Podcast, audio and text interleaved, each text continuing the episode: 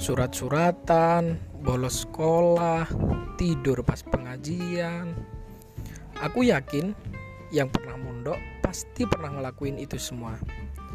Tapi di balik itu semua, santri adalah orang yang bisa apa aja. Terbukti, sekarang Wakil Presiden Indonesia adalah seorang santri, Ki Haji Ma'ruf Amin.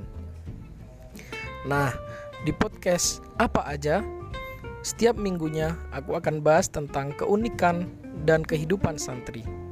Bukan hanya itu, gimana aku akan mengkontekstualisasikannya di era milenial.